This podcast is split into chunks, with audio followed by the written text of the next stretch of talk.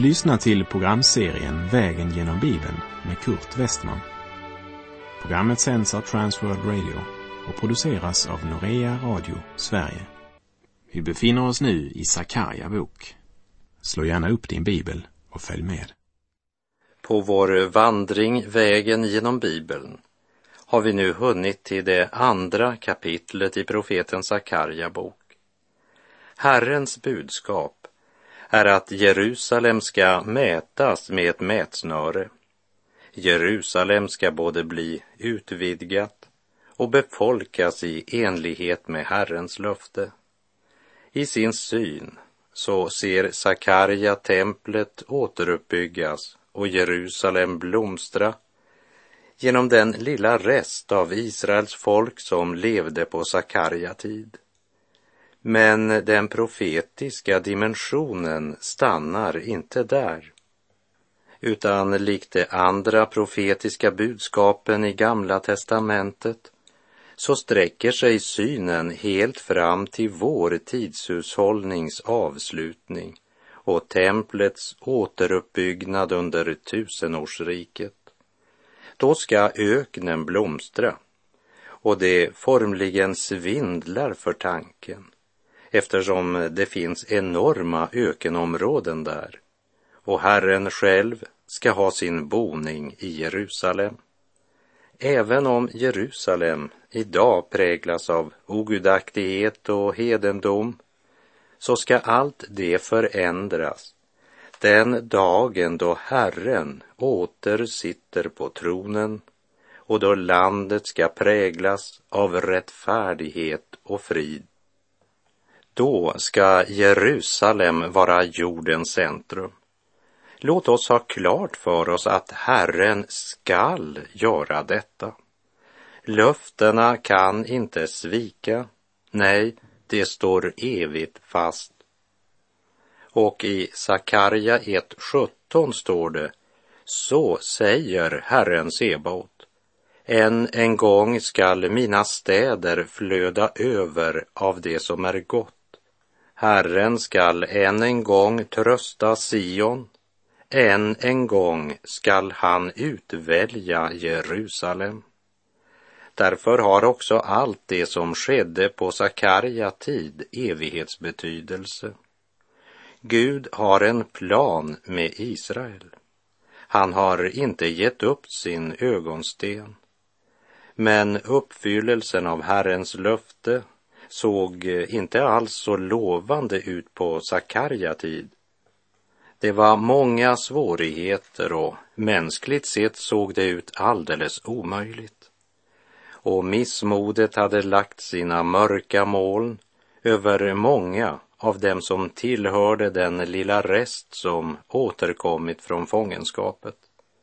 Många var förtvivlade och kände det som om Gud hade glömt dem ja, övergivit dem. Därför önskar Gud uppenbara för dem, inte bara att han inte övergivit dem, men att han också har en plan, en evig plan som Gud själv påtagit sig ansvaret att genomföra. Därför kunde denna lilla rest säga tillsammans med oss, jag är övertygad om att han som har börjat ett gott verk i er också ska fullborda det intill Jesu Kristi dag, som det står i Filipperbrevet 1, vers 6. Låt oss se lite närmare på mannen med mätsnöret. Sakarja kapitel 2, vers 1. Och jag lyfte upp mina ögon och såg och se där var en man med ett mätsnöre i handen. Det är viktigt för Guds barn att lyfta sin blick över alla de yttre omständigheter. Lyfta blicken så att Herren får lov att uppenbara för oss något mer än vad vårt kroppsliga öga ser. Det handlar inte om en dröm, men om något som Gud uppenbarar för sin tjänare när han lyfter sin blick. Här går mina tankar till Paulus ord i Kolosserbrevets tredje kapitel, vers 1. Då ni alltså har uppstått med Kristus, sök då det som är där ovan, där Kristus sitter på Guds högra sida. Så berättar Sakarja att han ser en man med ett mätsnöre. Låt Gud mäta möjligheterna. Det är som om Gud säger till Sakarja, låt mig vara arkitekt. Det är jag som håller i mätsnöret och jag som är ansvarig för hela projektet. Det är uppenbart att det är Herrens ängel som Sakarja ser hålla i mätsnöret. Ja, preinkarnationen av Jesus Kristus. Den samme som uppenbarade sig i den första synen som ryttaren på den röda hästen. Du kanske undrar varför jag säger att det är Kristus när Sakarja bara kallar honom för en man. Ish på hebreiska. Ja, i Sakarja 6.12 säger profeten så här. Se, en man, hans namn är telningen. Under honom skall det gro och han ska bygga upp Herrens tempel. Och om denna telning säger profeten Jesaja kapitel 11, vers 1. Men ett skott skall skjuta upp ur Isais avhuggna stam en telning från hans rötter skall bära frukt. Jesaja talar om en telning av Davids rot och stam. Telningen som kom av Isai rot och stam och som är Messias, Herren. Du märker denna mäktiga vind från evighetens värld när Sakarja säger jag såg en man och mannen han såg hade ett mätsnöre i sin hand.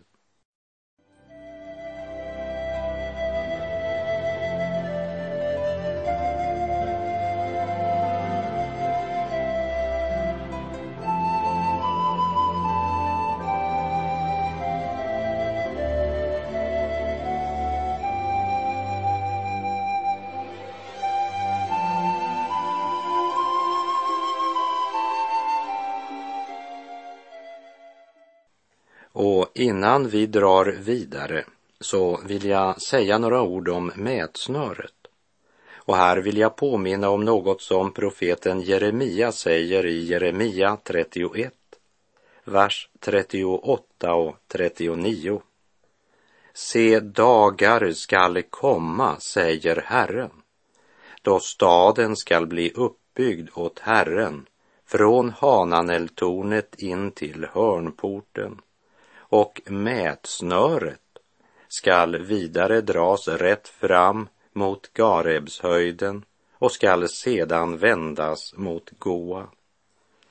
När Gud använder mätsnöret så betyder det helt enkelt att han åter är redo att handla utifrån hur han värderar saken och situationen. Och i citatet från Jeremia så mäter Herren staden Jerusalem. Även profeten Hesekiel talar om att Herren mäter. Kapitel 40, vers 2 till och med 4. I syner från Gud förde han mig till Israels land och satte mig ner på ett mycket högt berg. På detta låg söderut något som liknade en stad han förde mig dit och se, där stod en man som såg ut att vara av koppar. Han hade ett snöre av linne i sin hand samt en mätstång och han stod i porten. Mannen sade till mig, du människobarn, se med dina ögon och hör med dina öron och lägg märke till allt vad jag kommer att visa dig. Ty du har förts hit för att jag ska visa dig detta. Tala om för Israels hus allt vad du får se. Om vi fortsatte och läste vidare i texten i Hesekiels bok skulle vi se att Hesekiels syn gällde återuppbyggandet av templet under tusenårsriket. Men också i det nya testamentet refereras till en mätstång. Uppenbarelseboken kapitel 11, vers 1 och 2. En mätstång som liknade en stav gavs åt mig med orden. Stå upp och mät Guds tempel och altaret och dem som tillber där inne. Men utelämna templets yttre gård och mät den inte, eftersom den är given åt hedningarna och den heliga staden skall det trampa under fötterna i 42 månader. Låt oss aldrig glömma att det är Herren själv som håller i mätsnöret. Tidens mätsnöre, historiens, mänsklighetens, universets och evighetens mätsnöre. Därför ska vi akta oss för att begränsa Guds barns framtid och hopp till det som i ögonblicket ser ut att vara situationen. Sakarja kapitel 2, vers 1 och 2. Och jag lyfte upp mina ögon och såg, och se, där var en man med ett mätsnöre i handen. Då frågade jag, vart går du? Han svarade mig, till att mäta Jerusalem för att se hur brett och hur långt det skall bli.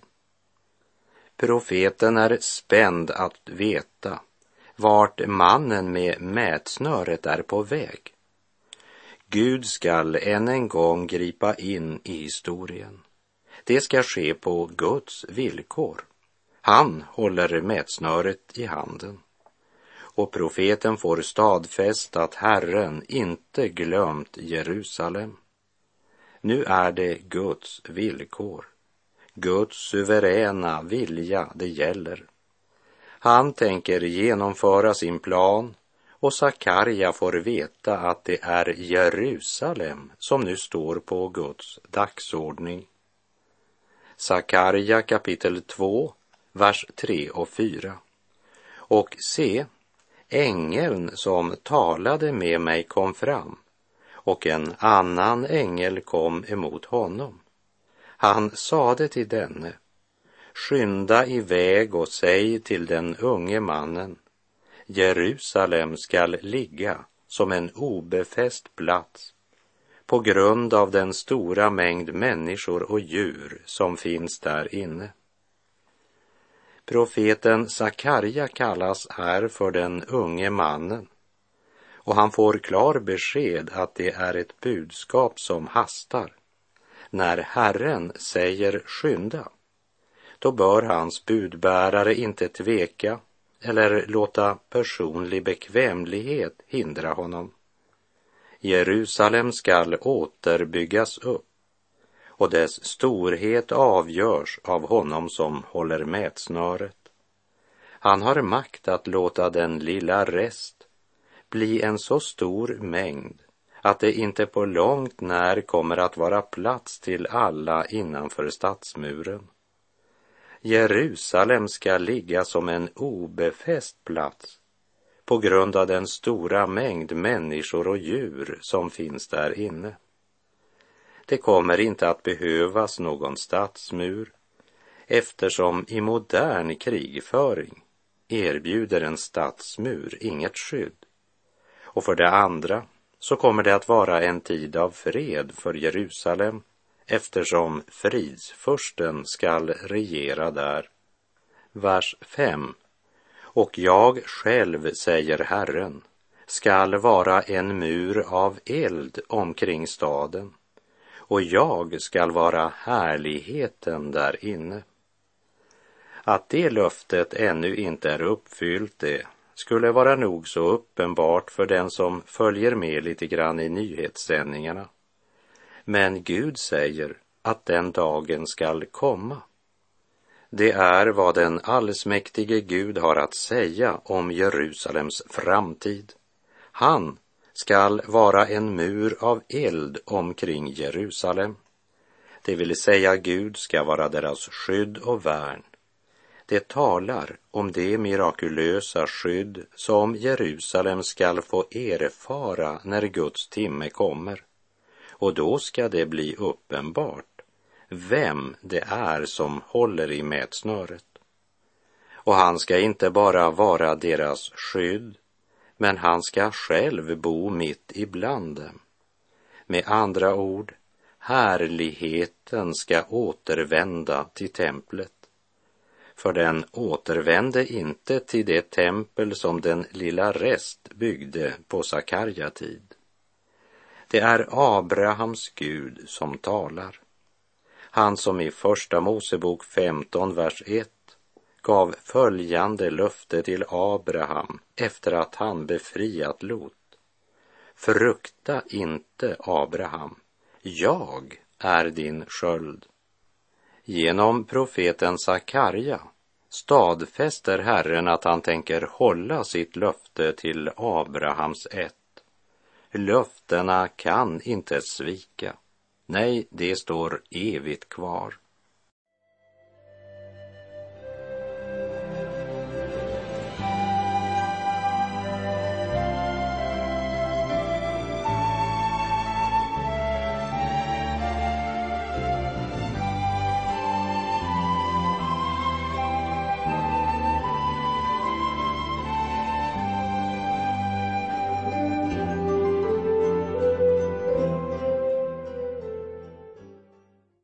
Daniel, Hesekiel, Sakarja och Johannes uppenbarelsebok utgör Bibelns fyra apokalyptiska böcker. Alla fyra böckerna visar fram emot den dag då Gud återtar mätsnöret i sin hand för att genomföra sin plan och göra Jerusalem till jordens centrum. Och här tänker jag ta mig tid att citera ett ganska långt avsnitt från profeten Hesekiel, nämligen de sju första verserna i Hesekiel 43. Vi läser först vers 1 och 2. Han förde mig då till porten, den port som vette åt öster, och se, härligheten från Israels Gud kom från öster och hans röst var som dånet av stora vatten och jorden lystes upp av hans härlighet. Detta är Herren Jesus Kristus, den utlovade Messias som kommer till templet i Jerusalem. Lägg märke till att han kommer från öst, vilket är orsaken till att den östra porten i Jerusalems mur står så centralt än idag fastän den är igenmurad. Nedanför denna port så ligger gravarna till tusentals av Israels folk eftersom de tror att de ska uppstå när denna profetia blir uppfylld och de önskar vara närvarande när Messias kommer. Vi fortsätter och läser ytterligare några verser i Hesekiel 43, verserna 3 till och med 7. Den syn jag såg var lik den syn jag såg när jag kom för att fördärva staden.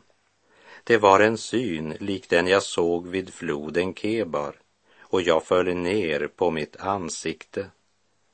Herrens härlighet kom in i templet genom den port som låg mot öster och anden lyfte upp mig och förde in mig på den inre förgården och se, Herrens härlighet uppfyllde templet.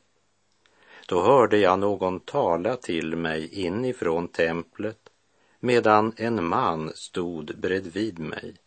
Han sade till mig, du människobarn, detta är platsen för min tron, platsen för mina fötter, där jag vill bo bland Israels barn för evigt och Israels barn skall inte mer orena mitt heliga namn, varken de själva eller deras kungar genom sitt horeri och sina döda kungars döda kroppar och sina offerhöjder. Ge akt på att Herren säger att han vill bo bland Israels barn för evigt. För evigt, det är mycket, mycket lång tid för att eh, tala i mänskliga jordiska termer. Så vi ser att denna profetia fick inte sin uppfyllelse på Hesekiels tid, men pekar fram mot vår tidsålders avslutning. Låt oss nu återvända tillbaka till Sakarja profetia. Och jag själv, säger Herren, skall vara en mur av eld omkring staden och jag skall vara härligheten där inne. Låt oss komma ihåg att Messias härlighet är ett löfte som gäller alla Guds barn, både judar och hedningar. Vi kan med rätta sjunga Vår framtidsdag är ljus och lång. Vi läser Sakarja kapitel 2, vers 6 och 7. Upp, upp, fly bort från landet i norr, säger Herren. Ty som himlens fyra vindar har jag skingrat er, säger Herren. Upp, Sion, rädda dig, du som bor hos Babels dotter. När den persiske kungen Kyros gav judarna tillåtelse att återvända till sitt land så var det många som hade blivit så hemmastadda i Babylon att de inte ville återvända. I Esra boks andra kapitel så står de som under Serubabels ledning återvände till Jerusalem och Juda uppräknade. Det är historien om hur Gud kallar ett folk i fångenskap att skilja lag med Babylons liv och som Guds folk utvandra för att som Herrens förlösta leva i Jerusalem och Juda. Juda var ju inte helt utan befolkning, för en del av folket hade ju blivit kvar när de flesta bortfördes i fångenskapen. Gud gav Israels folk möjligheten att återvända från Babels fångenskap och till Jerusalem och Juda. Men det var endast en liten minoritet som valde att återvända. Genom profeten Sakarja påminner Herren om att det var deras synd som var orsaken till att de blev bortförda som slavar och hamnade i fångenskap. Men många av Israels folk fann sig efterhand nog så väl till rätta där och ville inte ge upp Babylons fördelar för att återvända till det land som Gud gett dem som arvedel. De hade blivit så upptagna av det synliga och förgängliga att de förlorat både evighetsperspektivet och kärleken till Gud. Till de troende i Korint skriver Paulus följande förmaning i Andra Korinterbrevet 4.18. Vi riktar inte blicken mot det synliga utan mot det osynliga. Ty det synliga är förgängligt, men det osynliga är evigt. Dessa judar som inte ville överge Babel utan bli kvar i fångenskapens land det är en stark illustration av alla människor som väljer att bli kvar i syndens fångenskap och inte vill vända sig till Herren Jesus Kristus. Men nu ljuder Herrens varningsrop. Fly bort från Babel. Rädda dig.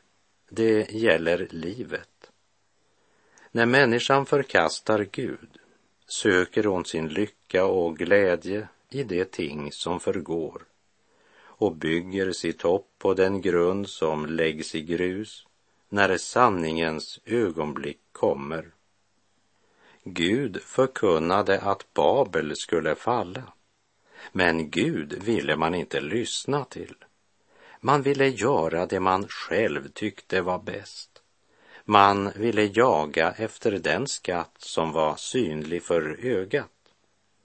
Två år efter att Sakarja förkunnade detta budskap så blev stormakten Babel lagt i grus.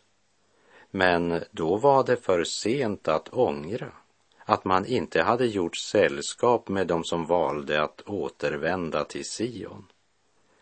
Det mediopersiska riket kom som en flod över Babel och visade att Babels härlighet var bara ett sandslott.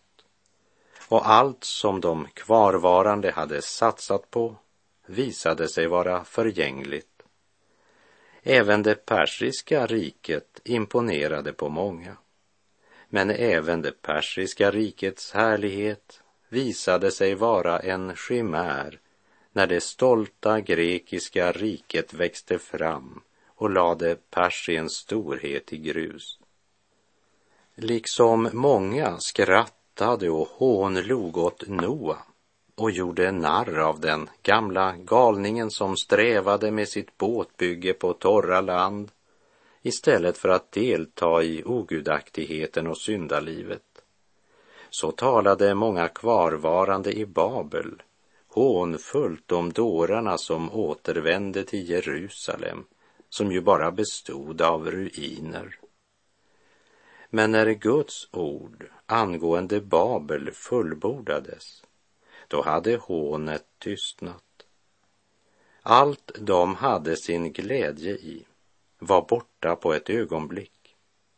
Kvar var tomheten, ångesten och undergången. Och överskriften över deras liv blev dessa två ord, för sent. Och syndare, var har du din tillflykt och vad vill du göra idag? Du lever för rikdom och ära, är offer för världens bedrag. Men tänk på din själ som så fattig skall vandra den eviga stig. När stoftet försvinner i graven är glädjen i världen förbi. Vad gagnar din jordiska rikdom och skatt när själen går in i den eviga natt? Upp, Sion, rädda dig, du som bor hos Babels dotter. Och med det så är vår tid ute för den här gången.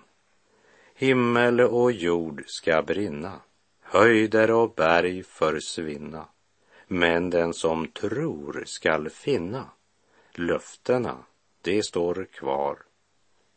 Herren vare med dig. Må hans välsignelse vila över dig. Gud är god. Du har lyssnat till programserien Vägen genom Bibeln med Kurt Westman som sänds av Transworld Radio. Programserien är producerad av Norea Radio Sverige. Om du önskar mer information om vårt radiomissionsarbete så skriv till Norea Radio Sverige, box 3419 103 68 Stockholm. Adressen är alltså Norea Radio Sverige box 3419. Postnumret 10368 Stockholm.